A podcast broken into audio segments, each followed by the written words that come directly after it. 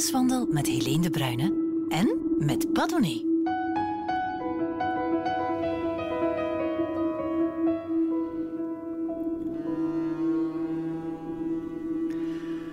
Pat de man behoeft natuurlijk geen introductie. U hoort hem hier al jaren bezig, op zondag, elke week weer met een andere gast. En ik heb zo heel veel interessante mensen leren kennen dankzij jou, Pat. Maar toch even, misschien wat u nog niet wist of misschien vergeten was over mijn gewaardeerde collega Pat. Pat was ooit producer voor Radio 1. Zo is hij zijn carrière hier in dit Huis van Vertrouwen begonnen. Voor een programma over, jawel, jongerenzaken. En Pat bracht dan thema's aan de man die toen nog controversieel waren, zoals bijvoorbeeld tatoeages. Dat was toen nog eh, heel bijzonder.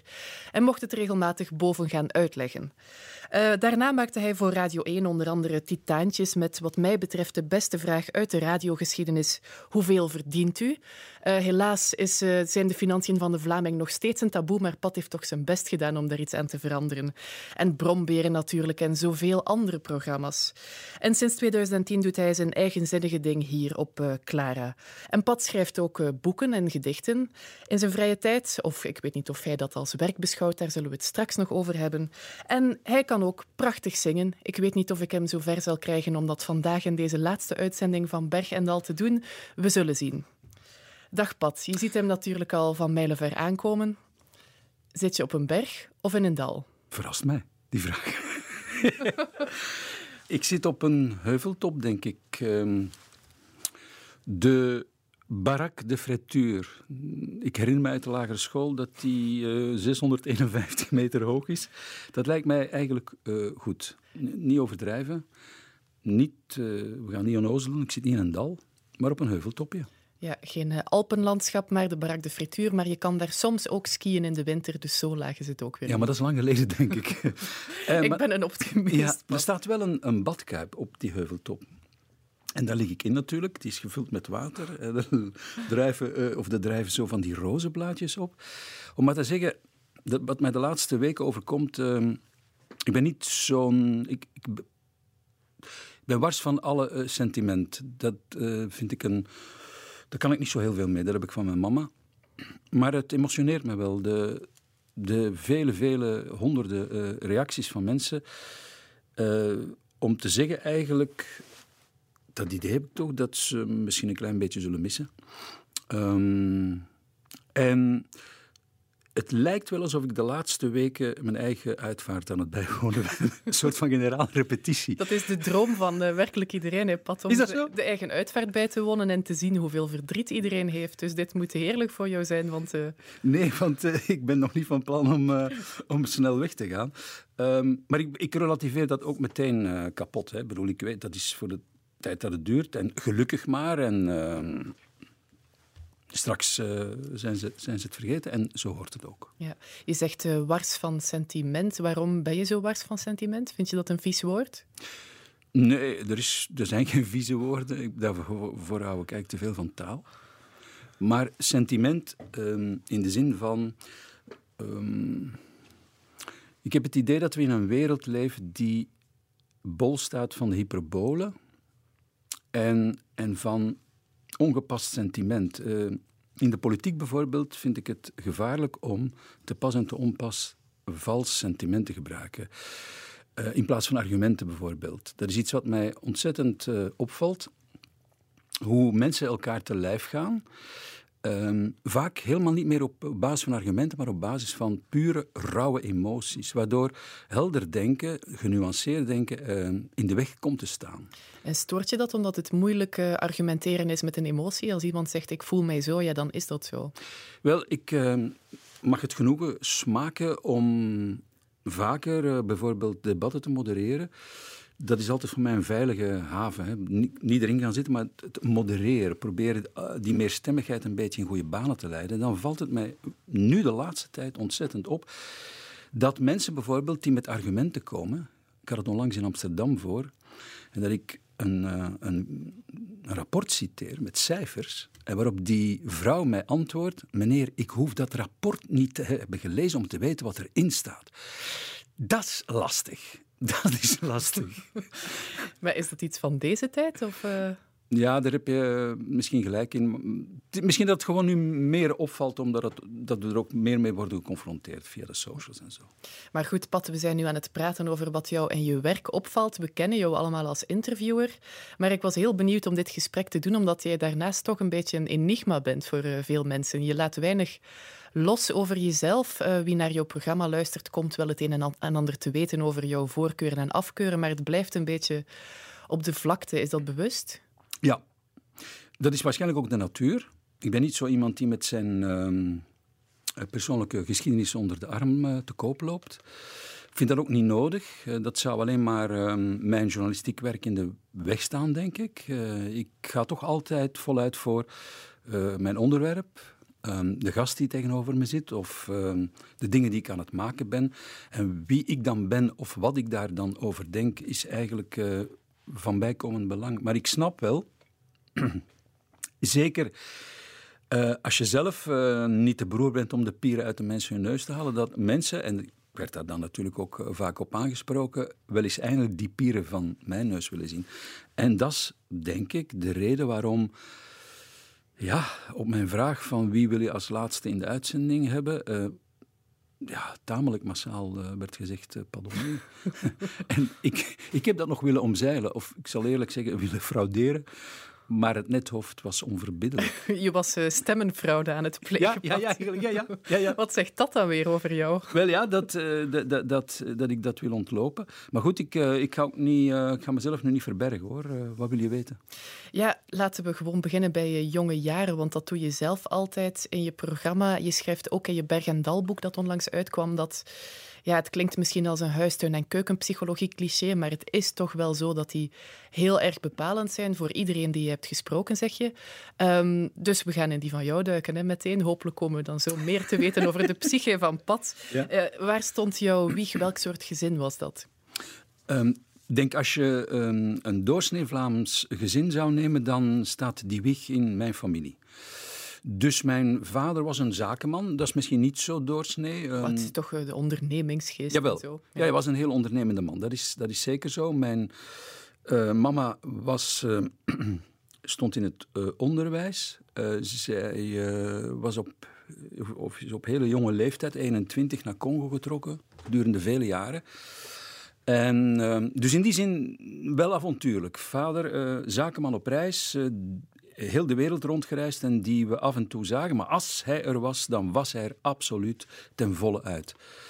Een, uh, een man die uh, met een retorisch talent, um, dat mag ik zeggen, een, een talenknobbel, een polyglot, dat hij van zijn vader dan weer, die vlot en tamelijk correct zeven talen sprak.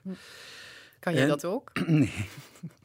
Nee, tenzij het Antwerps en het Brabants erbij rekenen, dan kom ik er misschien.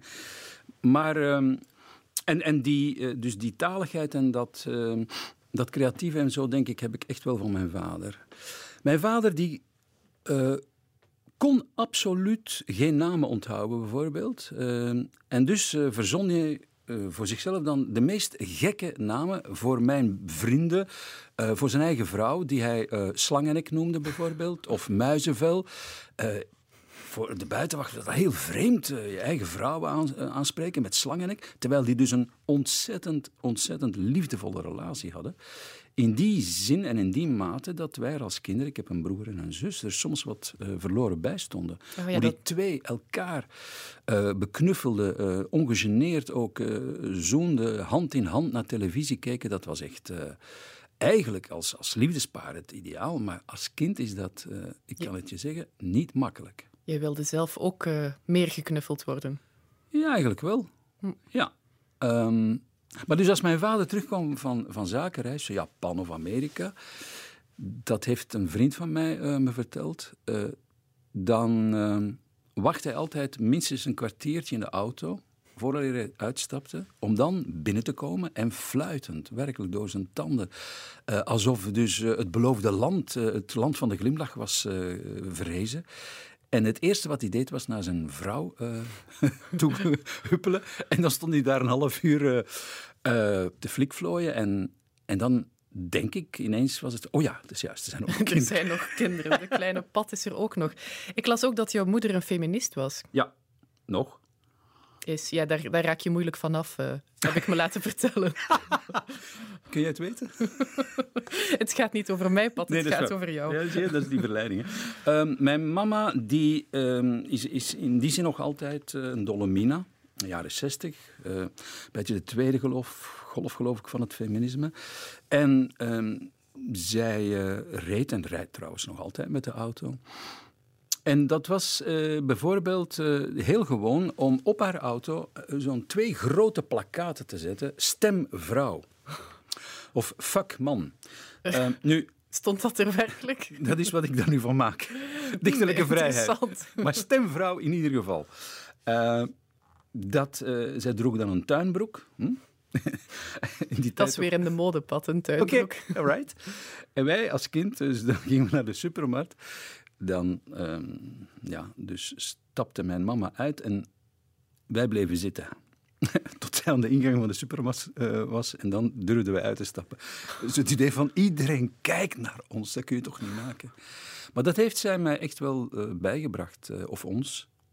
Um, ja, dat het compleet vanzelfsprekend is dat een vrouw autonoom, net zozeer als een man, haar ding doet, uh, ongeacht van met wie ze leeft en, en, en, en, hoeveel kinderen ze heeft. En daar heb je je niet tegen afgezet, zoals dat soms gebeurt nee, met uh, Nee, in tegendeel. Nee, nee ik, voor, voor, mij, als later dan uh, de, de, de, de als, als, nu bijvoorbeeld uit onderzoek nog altijd blijkt hoe, hoezeer vrouwen bijvoorbeeld nog altijd achtergesteld worden, kennelijk nog altijd niet evenveel gehonoreerd worden als mannen, en dan is dat voor mij tamelijk surrealistisch, intergalactisch eigenlijk. Dat, dat is iets zo dat ik, waar ik mee ben opgegroeid, dat dat uh, niet zo hoort, punt. Je hebt uh, zelf ook een zoon, als het dan gaat over uh, een strijdpunt der feministen, ook al in de Tweede Golf, gaat het over gelijke zorg. Heb je dat ook serieus opgenomen?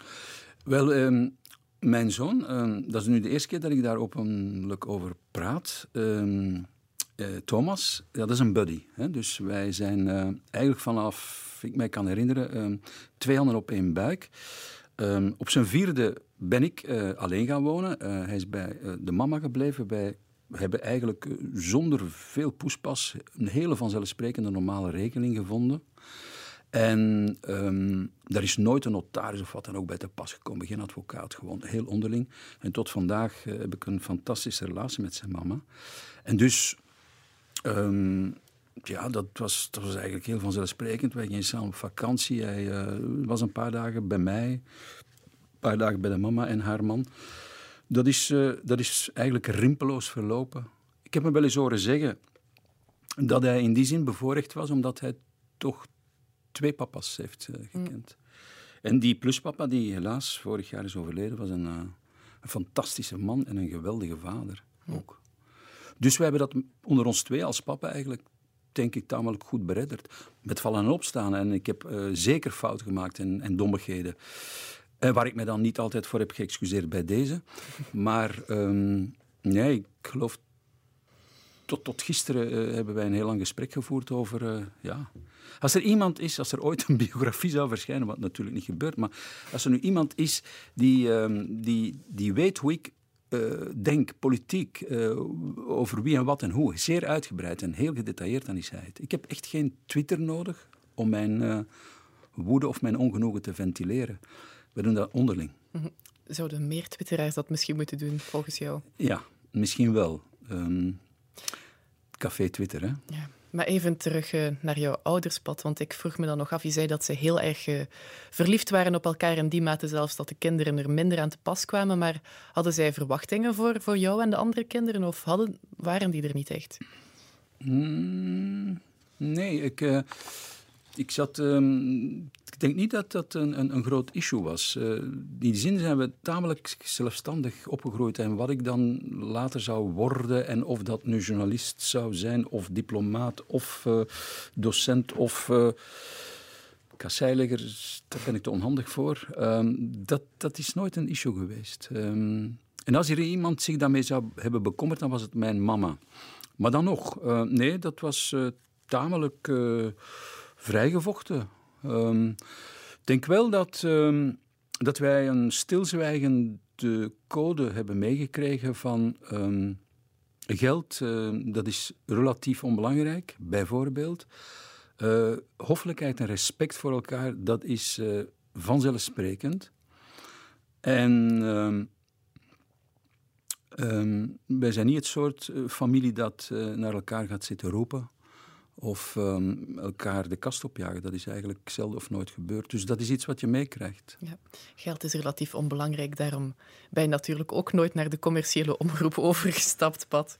Um, nog even over die jonge jaren die in al jouw interviewjaren zo belangrijk gebleken zijn voor iedereen. Is er zo één moment uit jouw jeugd dat je echt een vormende ervaring zou kunnen noemen? Ik denk het wel.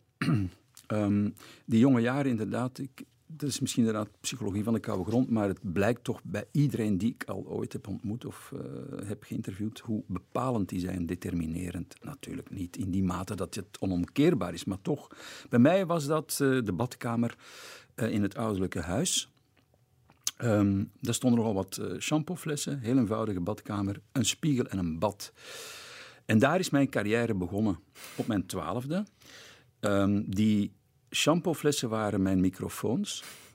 En uh, ik had er dus eentje voor mezelf en een aantal voor de gasten die bij mij uh, over de vloer kwamen. Vaak uh, tezamen dus. En zo ben ik dus toch op vrij jonge leeftijd erin geslaagd om de paus te kunnen interviewen. paus... Welke was het ook al? Paulus de zesde. Uh, Richard Nixon, ik heb toch denk ik samen met uh, Bob Woodward en Carl Bernstein ervoor gezorgd dat die is moeten aftreden. Dat is toch niet onverdienstelijk, vind ik. Uh, maar ook Boer Sus was een, een boer die in de omgeving woonde en die dan die heren of die dames moest becommentariëren. En er was ook een show-element. en ik had altijd dezelfde gast en dat was Wiltura. Um, waar ik een hele grote fan van was en ben. En die zong in het Engels. Wat hij dus nooit heeft gedaan, bij mijn weten. Niet toen, maar ook niet later, maar wel bij mij. En ja, ik uh, nam dan de honneurs waar. en voilà. En, en dat is echt wel, uh, daar is het allemaal begonnen. In de badkamer In de met badkamer. die shampooflessen. Ja, bizar dat het dan ook werkelijkheid is geworden. Mm. Pat, je hebt ook een, uh, een tekst voor ons meegebracht. Ja. Een, een, gedicht van jezelf. Ik zei het al, je bent ook uh, dichter en schrijver.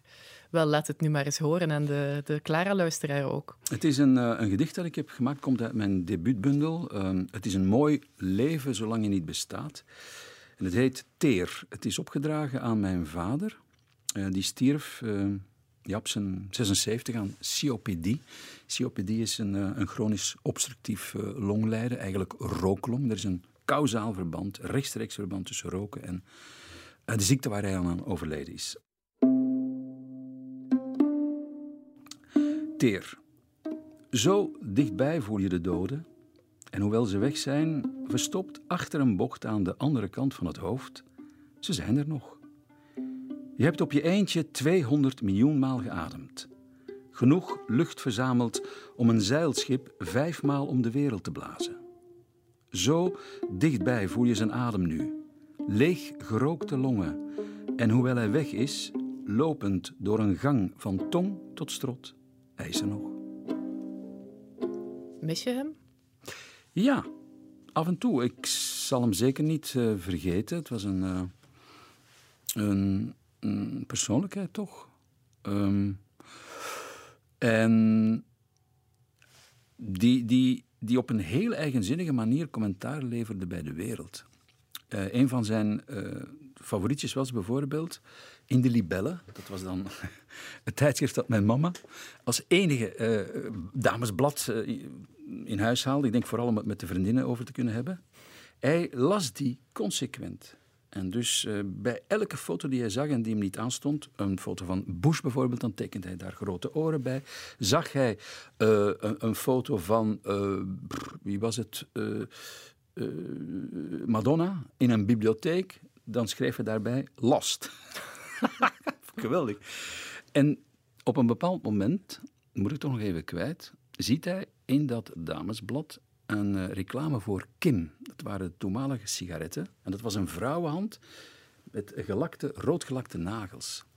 En de slogan uh, luidde: Kim, veel te chic voor een mannenhand. En mijn vader, die rookte Kim. en die zag dat. En ik zag hem bleek worden en die zei van... het is gedaan. Sindsdien heeft hij niet meer gerookt. Geen, uh, geen Kim meer, neem ik aan, want roken heeft hij nog wel gedaan. Ja, nee, nee, hij stopte echt met roken. Ah, hij was echt geschrokken. Ja, maar het ah. was eh, helaas te laat gestopt. Misschien moeten ze die reclame terug invoeren. Ja. Om de rokers een handje te helpen. Ja.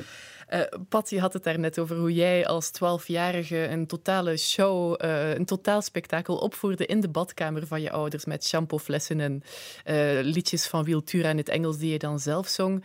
Ja, dat show-element dat heb je nog altijd wel een beetje, want jij toert ook met, met voorstellingen. in 2024 herneem je bijvoorbeeld Hartstocht over liefde, passie en andere ongemakken. Met jouw vaste pianist, dat is Marijn Goossens.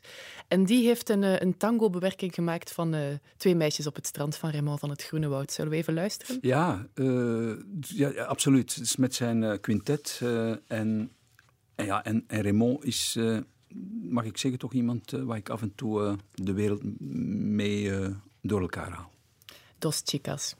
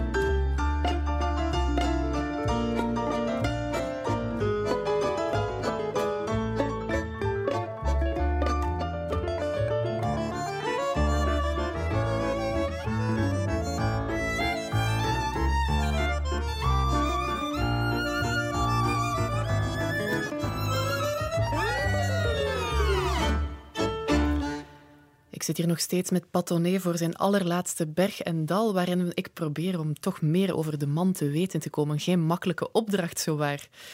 Pat, uh, in het Berg- en Dalboek uh, dat nu ook is uitgekomen, uh, schrijf je in het voorwoord: Ik geniet het voorrecht om een werkend leven lang nog geen dag te hebben gewerkt.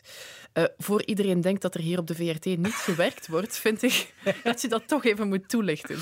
Ja, ik heb dat ook herhaald natuurlijk voor de directie en zo. Um, graag. En um, ja, ik zeg, ik, ik zeg dat al heel mijn leven lang, eigenlijk mijn werkende leven, dat, uh, dat ik het voorrecht geniet om um, een werk te doen waar je uh, niet het idee hebt dat je aan het werken bent.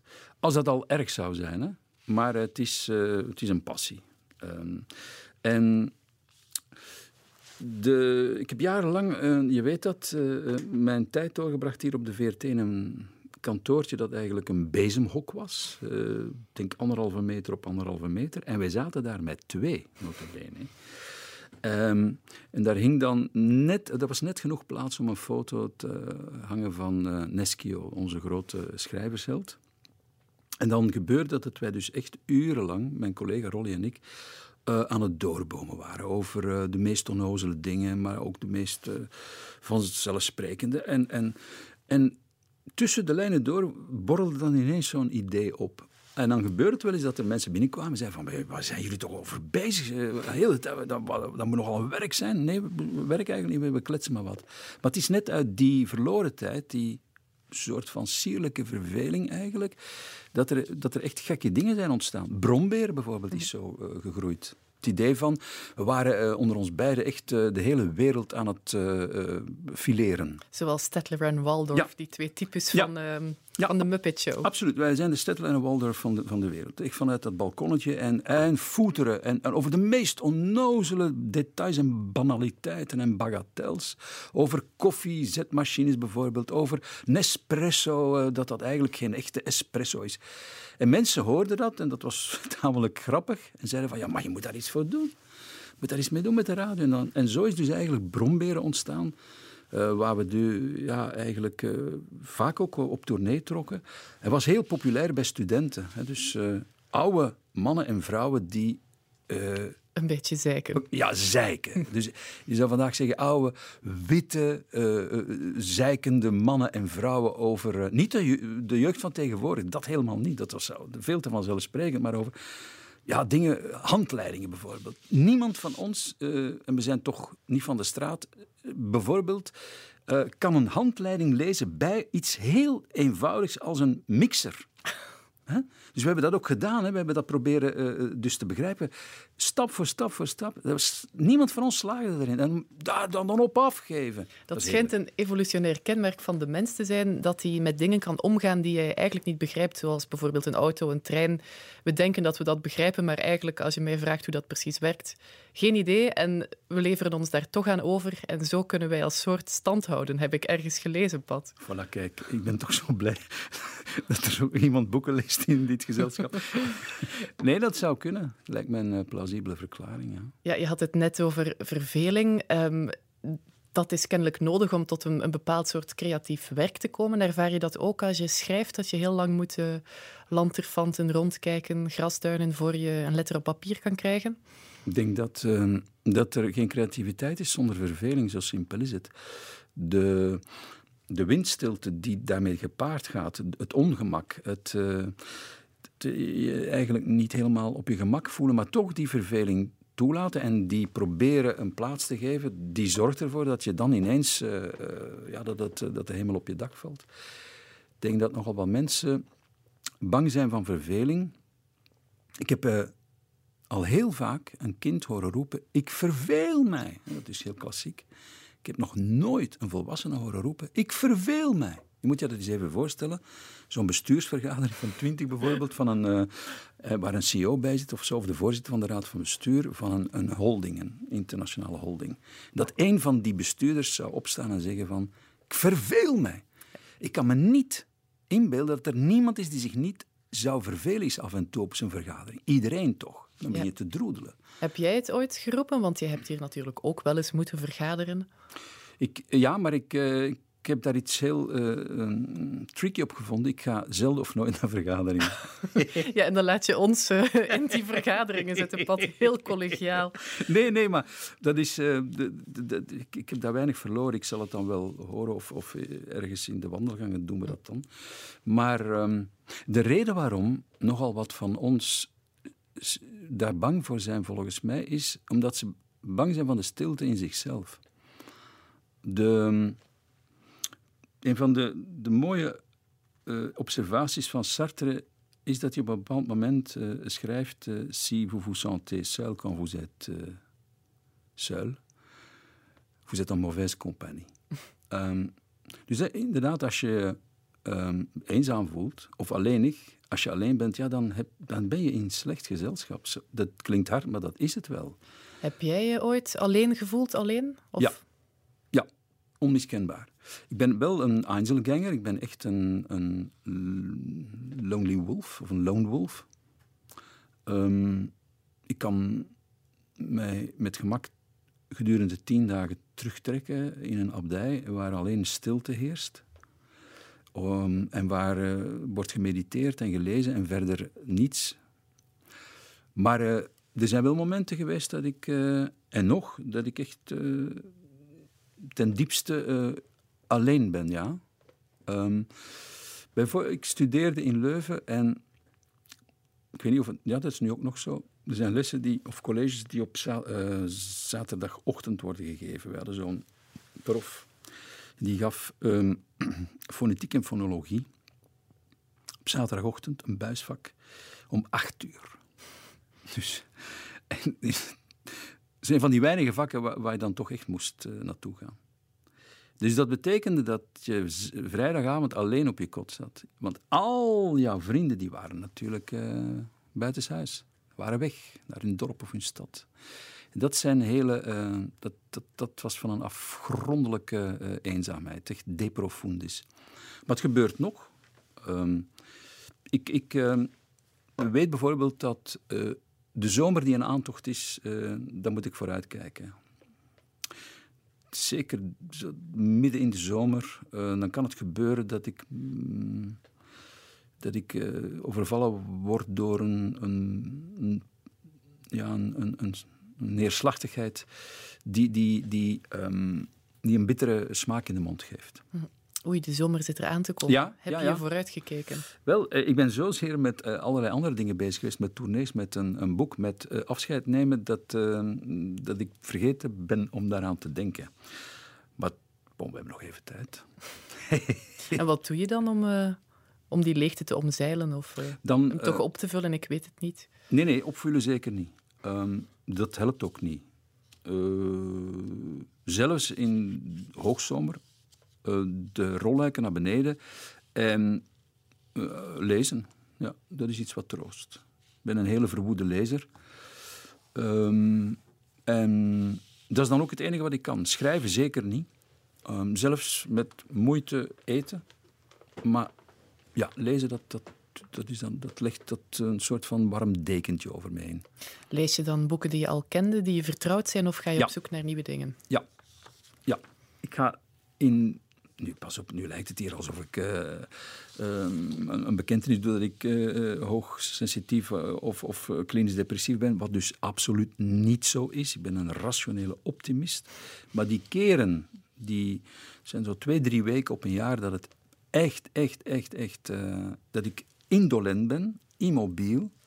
Dan kan ik alleen maar dingen lezen die, die mij zeer vertrouwd zijn. Ik ga niet op ontdekking, dat is onmogelijk. Alleen terugvallen op het bekende. Het is een soort van uh, comfortzone die ik heb gecreëerd. En bijvoorbeeld, um, gek, uh, Boon, Louis Paul Boon, waar eigenlijk mijn uh, leeswoede mee begonnen is, mijn verslaving. Dat is iemand waar ik dan naar teruggrijp. Ja. Je hebt hem ook meegebracht, Mijn Kleine Oorlog. Dat vind ik een interessant boek. Het is niet echt een roman, het zijn meer zo kleine schetsen. Maar interessant eraan is dat het einde in de eerste versie helemaal anders is dan een paar jaar later. Ja, dus uh, hij eindigde de eerste versie net na uh, Wereldoorlog 2 met uh, Ik schop de mensen tot ze een geweten hebben. En 15 jaar later, exact 15 jaar later, verandert hij dat. Of tenminste voegt eraan toe, wat heeft het allemaal nog voor zin? Daar kun je hele boeken over schrijven. Chris Schumbeck heeft dat gedaan. Um, goh, ik, ik denk dat dat inderdaad een wat ouder wordende uh, boon is, die een beetje meewarig uh, een kanttekening maakt bij de jonge idealist die hij was, maar die in allebei gelooft. Die zegt van, ja, we moeten blijven proberen deze wereld op de een of andere manier een, een, een, nieuwe gestalte te geven of een andere wereld ervan te maken. Of tenminste hem proberen te verlaten in een betere omstandigheid dan, dan hij was. Het klinkt alsof je het meer over jezelf hebt dan over Boon, als ik je zo zie. Ja, maar is dat niet vaak zoals we interpreteren? en, en tegelijkertijd zegt van, maar god, ja, het is allemaal toch veel gedoe. nee? Vind je dat niet? Vaak wel, Pat. Vaak wel. Wil je even een stukje voorlezen? Mm -hmm. Ja. Het is... Uh, dus inderdaad uit mijn kleine oorlog. Het heet Van den Borre.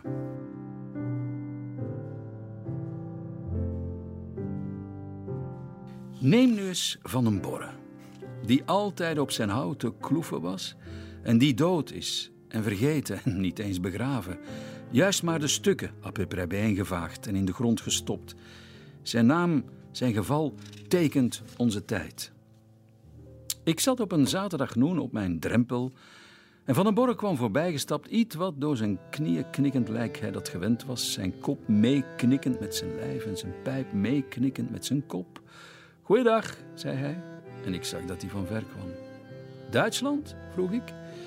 En hij zette zich naast mij.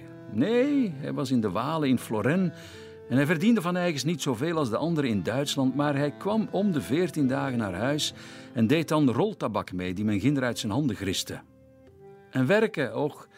Ze legden ginder een betonbaan aan, maar ze hadden geluk dat ze een schop in hun handen hielden om zich aan vast te houden, want anders vielen ze omver van luiheid. En hij lachte. Er had een Duitser tegen hem gezegd: Laat het wat vooruit gaan, Van ten Porre. En hij had geantwoord: Heb geen angst, ik zal het niet tegenhouden. Maar vooral, en hij pakte zijn pijp uit de mond en stak die omhoog, maar vooral, ze bombarderen daar niet. En hij keek al knikkende met zijn kop naar zijn voeten om zijn stille lach weg te steken. En dan, ze bombardeerden daar wel, al meteens. En Van den Borre, zich vasthoudend aan zijn schop om niet omver te vallen, werd à peu près in de grond gestoken. En zijn vrouw gaf mij een doodsbeeldeke, overleden bij oorlogsomstandigheden te Floren, de 9 mei 1944, en dat hij de arbeid lief had en dat hij weggemaaid inderdaad was toen niemand eraan dacht. En ze vertelde mij dat er een agent was komen vragen of zij de vrouw was van Van den Borre en dat haar man gekwetst lag in Florenne. En zij had haar zwarte doek over het hoofd geslagen en was naar een bewijs gaan vragen om zich naar Florent te begeven. En waar zij dat bewijs moest halen, had men haar gezegd: Och, het is de moeite niet. Je zult er toch niks meer van vinden. Uit mijn kleine oorlog van Louis Paul Pat, eh, het valt me op, die taal die, die is heel volks en menselijk, maar als je er goed naar luistert, dan merk je dat het toch heel slim geconstrueerd is allemaal. Is dat iets dat jij als schrijver ook probeert te doen? Denk het, ik... Uh, ver van uh, om mij te gaan vergelijken met Boon. Maar... dat was ik ook niet aan het doen. Nee, nee. Maar het, um, het lijkt... Um, vaak uh, bij Boon alsof het uh, een, een, een soort van cementbak, zo zegt hij het zelf, uh, is die neergekwakt vanuit een stelling naar beneden dondert. Wow, het chaos, nee, dat is natuurlijk heel doordacht geconstrueerd. En ehm, ik denk dat de kunst is om, om dat inderdaad te doen. Bij om het even wat je doet, vooral dus ook het schrijven. Maar dat je de lezer nooit daarop mag laten betrappen. En dat hij zegt van ja, maar ik zie het wel, het is zo geconstrueerd. Het moet uh, bedrieglijk eenvoudig blijven. Ook in mijn poëzie probeer ik dat. Er wordt wel eens gezegd, ja, dat is eenvoudig, maar er is een criticus in een NRC die zei van, dit is toch van een bedrieglijk soort eenvoud. Mm. Het lijkt wel makkelijk, of het lijkt vanzelfsprekend, maar misschien is het dat toch niet wat je echt ziet. En uh, ik heb dat ook altijd geprobeerd uh, in, in wat ik doe op de radio of op televisie. Um, ik zal het uh, illustreren met een voorbeeld. Um, als was iemand uh, die uh, een proefprogramma maakte en die mij ehm, kwam opzoeken, een tijdje geleden, voor televisie. En die, die, die zei, enfin, die vroeg wat, wat ik ervan vond. En ik zei, er is hard aan gewerkt. En die, Geen compliment. Ja, hij zei dat, oh, dat is fantastisch. Ik zeg, nee, je ziet dat er hard aan gewerkt is. Er is niks zo erg dan, want uiteindelijk is het amusement wat we doen, intelligent amusement, zinvol amusement, maar het is wel een soort van amusement. Er is natuurlijk niks zo erg dan tijdens je vrije tijd uh, naar iets moeten luisteren of kijken waarvan je ziet, jongens, dat is echt aangetravakt, zeg. Oh, je wordt er zelf moe van. Je wil het zweet uh, niet ja. door de tv zien schijnen. Uh, omdat we hier dan toch licht amusement met inhoud aan het maken zijn, is het misschien tijd om nog even naar muziek te luisteren. Wat heb jij nog voor ons meegebracht, Pat? Ik, je gaat me niet doen zingen. Misschien Echt dat niet? nee, nee, het, dat komt er nog wel eens van hoor. Ik heb uh, wat materiaal liggen, het zal je verbazen, uh, voor een plaat. Oh. ja, ja, ja. In welke maar, taal? Wait and see. Uh, maar dit is een nummer uit 1971. Het heet De Vogel. Wat ik absoluut niet wist, is dat het eigenlijk een vertaling is. Dat heb ik pas nu ontdekt. ja. Um, dankzij de muzieksamensteller Mark van den Moortelen, waar ik jaren mee samenwerk, die mij daarop signaleerde. Het is dus van Tim Visterin met het Ons Lieve Vrouw koor over de Dijlen, onder leiding van Bob Peraar. En daar zat jij toch in, in dat koor, heb ik me laten vertellen. Ja, we waren met z'n vijvenen. Uh, dus een, een, selectie van het koor dat uh, mee mocht naar de opnames uh, van Tim Visterin. Frank de Bozer was een van hen en Erik Melaars, de gitarist. Dat was in een studio in Brussel, waar nog maar net David Bowie was gepasseerd, om maar iemand te noemen. En Wiltura natuurlijk. en, um, dus we zaten daar een hele dag om dat nummer op te nemen. En helemaal aan het eind, in de laatste versie, de versie uiteindelijk die de plaat heeft gehaald, op 1 minuut 13 seconden, zingen wij iets anders dan Tim Wisterin.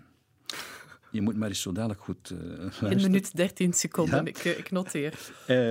Tim Wisterin zingt, ach meneer, een mooie vogel wil ik zijn. En wij zingen, of een van ons zingt, ach meneer, een mooie vleugel wil ik zijn. en ik denk dat dat Erik Meelaerts is geweest. Niet jij. Nee, die gewoon een grap wilde uithalen. En waarom staat dat dan nu nog altijd op de plaat? Omdat de tijd voorbij was en onze dirigent die klapte in zijn handen en die zei: Jongens, klaar, de bus staat er, weer terug naar huis. En Tim Wisterin zat met zijn handen in het haar. De vogel van Tim Wisterin met een bijrolletje voor de heel erg jonge Patonné.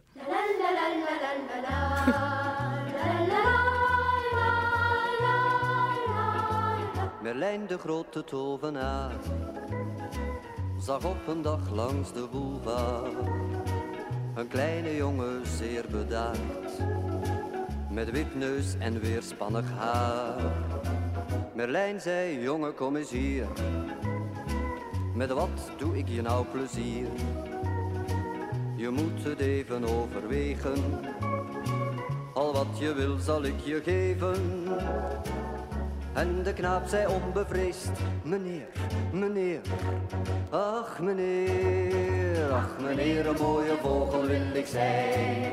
Met sterke vleugels, alstublieft, meneer Merlijn.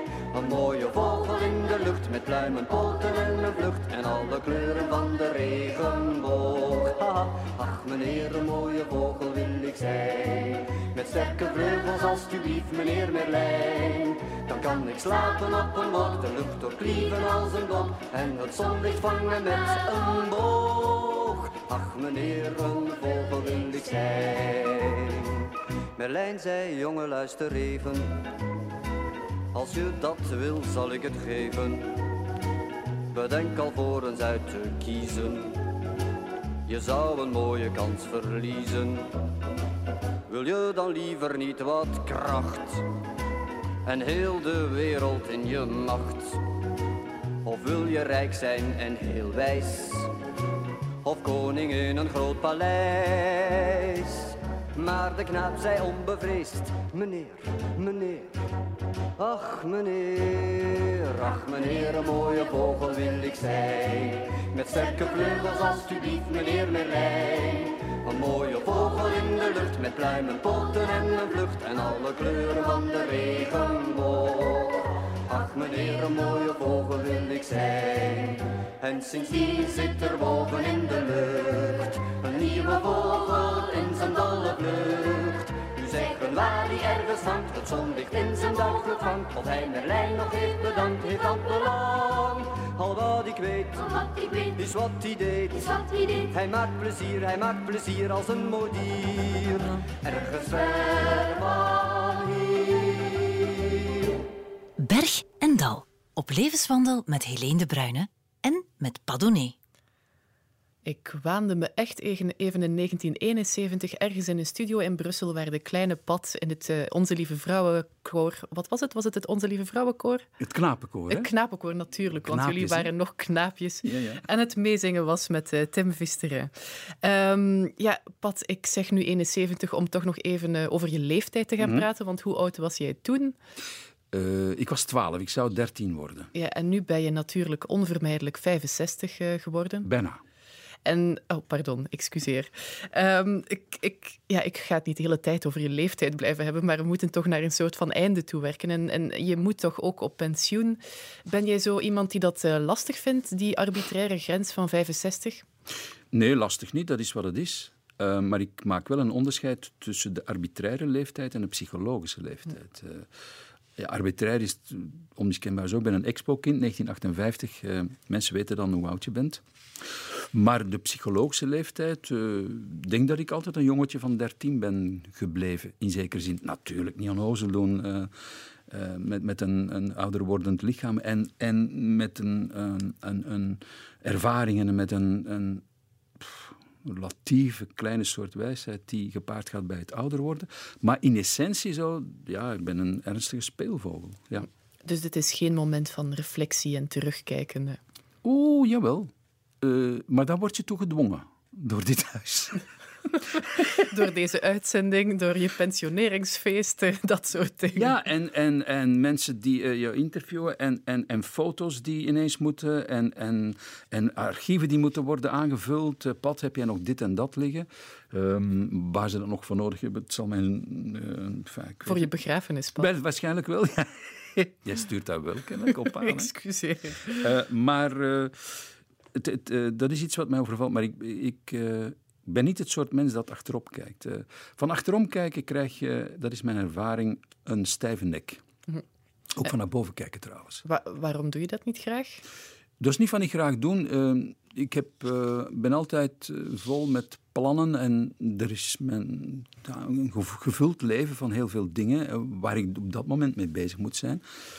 Maar niet wil zeggen dat ik niet, zoals nu bijvoorbeeld, ehm, ja, even grasduinen, maar ehm, het schurkt heel snel aan tegen nostalgie. En nostalgie uh, is uh, een gevoel of een, um, een ervaring die uh, voor mij de dood in de pot eh, representeert. Eh, dat leidt nergens toe, nostalgie. Wat zou er gebeuren als je het wel zou toelaten? Goh, dan, dan, dan verzand je in, in die tijd. Dan, dan, dan katapulteer je jezelf weer naar toen en, en heel waarschijnlijk van, goh, maar dat was nog eens een keer een tijd, terwijl ik nu leef. Maar waar ik wel heel erg in geloof, dat is melancholie. Ik probeer, uh, ik kan dat niet verstoppen, ook in mijn poëzie, in, uh, in, ongeveer alles wat ik doe, uh, schuilt een soort of, of sluimert of wordt er een klein soort melancholie gesmokkeld.